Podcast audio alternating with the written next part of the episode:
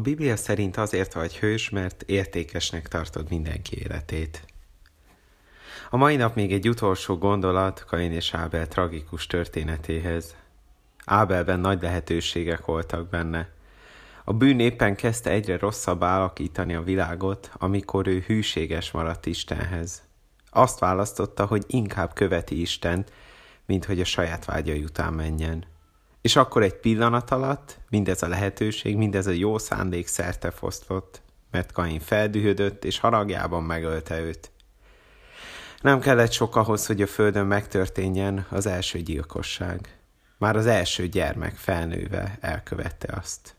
Elég durván hangzik, de ha belegondolsz, nem meglepő. A harag, a dű nagyon hamar olyan dolgokra késztet minket, amiket sose tennénk meg nyugodt állapotunkban. A bűn ma is becsap minket, mert kis apróságokból meglepő drámai dolgok nőnek ki, és az emberek ma is elhanyagolják, leszolják, bántják, és akár meg is ölik egymást. Ábel megölése szörnyű dolog volt, de mi a Biblia alapján a legrosszabb része? Az, hogy Isten képe ellen történt ez.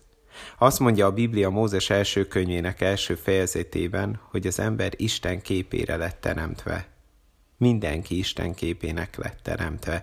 Ez különböztet meg minket minden más teremtménytől. Hogy mi megmutathatjuk az életünkkel, hogy milyen is Isten. Hogy mi dönthetünk úgy, hogy Istent követjük. A fák részei Isten tervének, de nem egy önkéntes döntés, és Istennel való folyamatos kapcsolat alapján követik Istent, és töltik be a teremtéskör meghatározott céljukat. Sőt, még ők is csak akkor töltik be céljukat, ha mi jól döntünk velük kapcsolatban.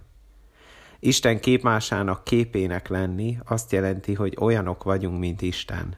Nem veszítjük el emberségünket, nem leszünk minden tudók, nem leszünk mindenhol ott egy időben, nem lépünk ki az idő világából, de Istent képviseljük. És emiatt különösen is fontosak vagyunk a számára. Érted már, hogy miért volt Kain tette még rosszabb, mint gondolnád? Ábelt Isten képviselőjét ölte meg. Az a hit, hogy Isten képmásai vagyunk, meg kell, hogy változtassa azt, hogy hogyan bánsz a másikkal.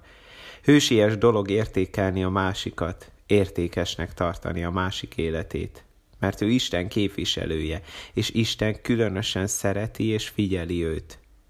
Amikor a másikat bántod, nem tiszteled, nem ismered el, hogy ő értékes, akkor végül is Isten vele való tervét is megtámadod. Annak a lehetőségét, hogy ő Isten képe lehessen most.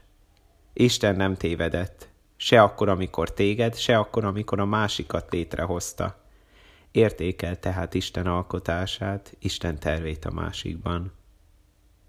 Egy kis feladat a végére – Írj ma rá, vagy hív fel azt, akit azért kerültél csak el, mert más, mint te vagy.